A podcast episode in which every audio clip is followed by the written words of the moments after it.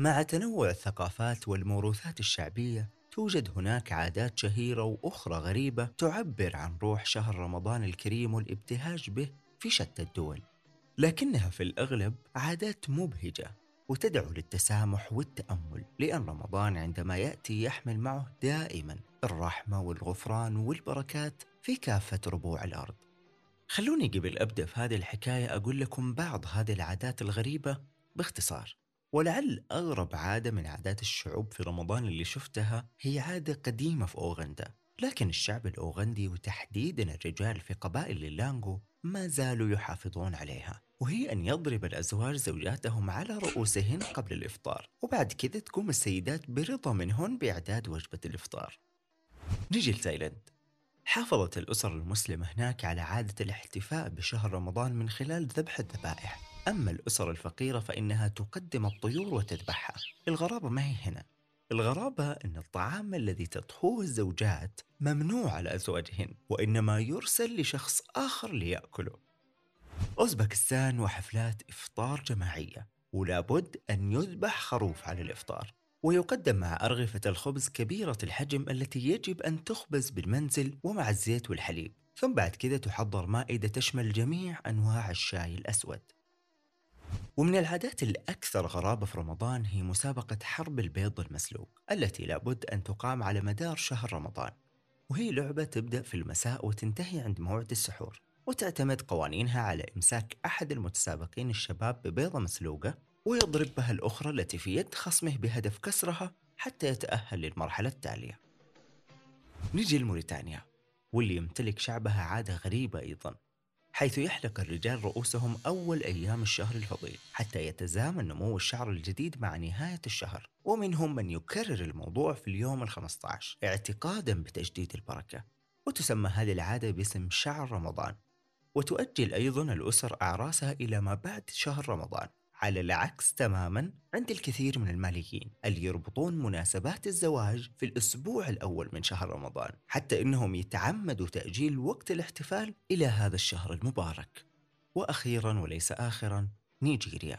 غير مقبول إفطار كل أسرة بمفردها. لابد أن تجمع الأطعمة التي تم إعدادها في كل منزل ويتم تقسيم الموائد أمام أقرب منزل إلى جزئين أحدهما للرجال والآخر للنساء. لكن الأجمل من ذلك هو حرص كل أسرة على استضافة أحد الفقراء يوميا على مائدة الإفطار كنوع من التكافل الاجتماعي خلال شهر رمضان.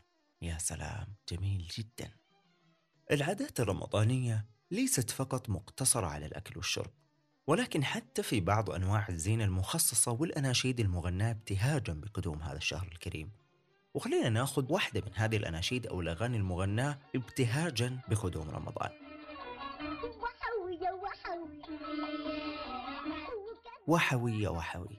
أكيد تذكرتوا مشهد الأطفال بالفوانيس لكن تبقى التساؤلات والتحليلات على بعض كلماتها الغريبة والتي يقال إنها كلمات فرعونية أو قبطية والله أعلم. هذه الأغنية ليست بالحديثة بل ممتدة منذ آلاف السنين يتناقلها الشعب المصري جيلا بعد جيل. تقول وهيبة صالح مديرة آثار منطقة دهشور إن هذه الأغنية زي أي حاجة تراثية حافظ عليها الشعب المصري وهي أغنية لها آلاف السنين بيغنيها المصريين وكان لها علاقة بحدث كان بيحصل فكان الأطفال يطلعوا يغنون للقمر. في القمر لما يحصل له خسوف كان بيعتقدوا أن القمر لما إيزيس إلهة رئيسة في الديانة المصرية القديمة لما تسافر خارج البلاد القمر بيحصل له خسوف فورا. فكانوا يطلعوا يقولوا له وحوي واح واح. وهي يعني لوح لي أو اظهر لي. وإياح اللي هو القمر. وهذه قصة قديمة جدا. لكن في حدث آخر مهم استخدمت فيه وحوية وحوي ويقال أن الملكة إياه حتب اللي المصريين أعطوها لقب أم المصريين. كان لها دور كبير في طرد الهكسوس بعد موت زوجها في المعركة وتقديم ابنها الملك أحمس وهو صغير. فبعد العودة من الانتصار على الهكسوس وطردهم من البلاد تماما خرج الشعب المصري يحيي الملكة إياه حتب. كانوا يهتفون لها واح واح إياح. بمعنى تعيش تعيش إياح. ربما غموض الكلمة وعدم معرفة معناها الحقيقي رغم كل التحليلات إلا أنها تعد من التاريخ القديم المحافظ عليه عبر الأجيال منذ قرون. ولأهمية شهر رمضان عند المصريين والمسلمين عامة ولتمييزه عن باقي الشهور. أخذ الشاعر المصري حسين حلمي هذه الثقافة القديمة وزاد عليها كلمات مناسبة لاستقبال شهر رمضان. شهر مبارك وبقاله زمان محلى نهارك بالخير مليان وحاوية وحاوية. الأغنية كانت بتعمل جو مع الفانوس والشمعة وحركة الدوران في الشوارع. وصار هذا الطقس من الطقوس التي تشعرك بدخول شهر رمضان. حتى الفوانيس في كثير من القصص والحكايات حولها وأصل هذه الفوانيس.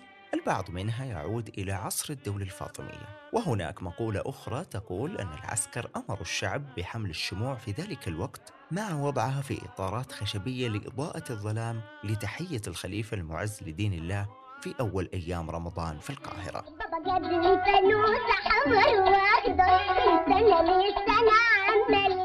وبمرور السنين تطورت إطارات الفوانيس إلى زجاجية ومعدنية وبلاستيكية ولم يعد فانوس رمضان مقتصرا فقط على مصر فقد أصبح رمزا لشهر رمضان حول العالم كما نرى.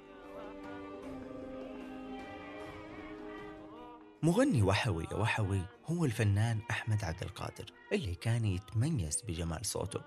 عرض عليه الملحن محمود الشريف بعد فترة أغنية أخرى لرمضان عشان يغنيها بعد النجاح الكاسح لوحوي وحوي.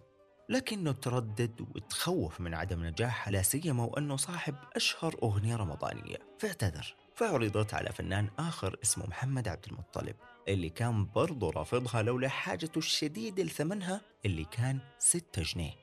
وفعلا غناها محمد عبد المطلب ونجحت نجاح غير متوقع وصارت بعد كده زي ما يقولوا النشيد الخاص والرسمي برمضان.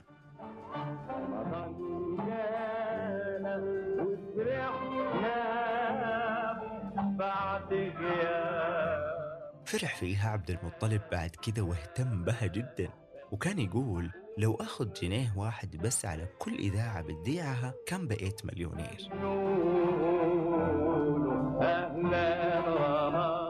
شاركوني عاداتكم أو طقوسكم الرمضانية المحببة في هذا الشهر وشاركوا هذه الحلقة مع أقاربكم وحبايبكم وهنوهم بالشهر الفضيل ألتقيكم في الحكاية القادمة وكل لحظة وأنتم إلى الله أقرب دمتم في رعاية الله مين مطربك المفضل؟ أم كلثوم؟ وردة؟ طلال؟ محمد عبده طب شاعرك المفضل؟ نزار؟ شوقي؟ السياب؟ بدر بن عبد المحسن طب تتبنى فكر مين من الأدباء؟ القصيبي؟ الرافعي؟ طه حسين؟ الوردي؟ ما أقدر أجاوب عنك لكن اللي أقدر أقوله إن نتاجهم الأدبي والفني ما جاء من فراغ ولا ضربة واحدة ورا كل عمل لهم في حكاية وأنا هنا طلال الحربي راح أحكي لكم هذه الحكاية